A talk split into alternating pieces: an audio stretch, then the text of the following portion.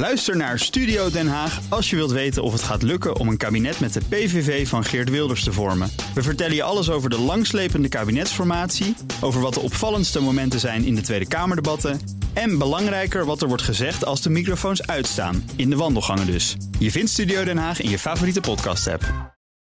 De column van Marianne Zwagerman.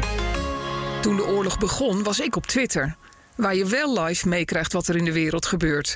Met een schuin oog kijkend naar een ellenlange tv-commercial... waar een meneer die van liegen zijn vak heeft gemaakt...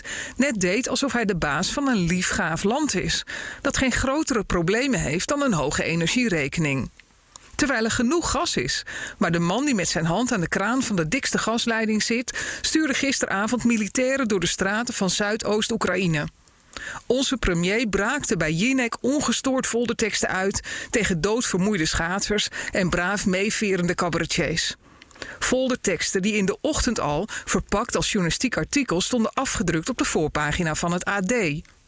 Mark Rutte en de VVD twitterden de screenshots van het kranteninterview alsof er geen betaalmuren bestaan. De krant lag op tafel bij Jinek. De brandmanager kan tevreden zijn, maar de hoofdredacteur moet zich kapot schamen.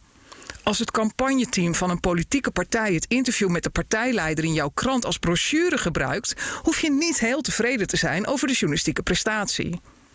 Bij de publieke omroep trok een dweilorkest door de Op1-studio langs de rest van de schaatsers. Brekend nieuws laat zich niet voorspellen, helaas. En deze keer was het eerste deel van op één vooraf opgenomen vanwege de Olympische sporters. Ongelukkig toeval, maar geen bewuste keuze, zei Thomas van Groningen na de uitzending. De publieke kijkers hadden bijna geweten wat zich afspeelde in de besneeuwde straten van Rusland. Want daar stond Pieter Waterdrinker klaar om live bij Margriet van der Linden verslag te doen van de historische tv-toespraak van Poetin. Briesend, twitterde Waterdrinker. Ik sta voor een of ander kutprogramma op de Nederlandse tv alles hier in Rusland gratis te volgen. Houd al het andere af, zelfs de BBC, want ze willen me spreken. Dan bellen ze na afloop. Ja, we konden je niet bereiken. Gratis, hè? Dit is M. Nooit meer voor mij. Treuriger wordt het niet meer in de Nederlandse journalistiek. Een deskundige, goed geïnformeerde freelancer mag gratis opkomen draven bij de publieke omroep vanuit een land in oorlog, terwijl vorstelijk betaalde talkshow-hosts de branded content uit de ochtendkrant opwarmen. Ondertussen werd het oorlog, maar daar merkte de tv-kijker niets van.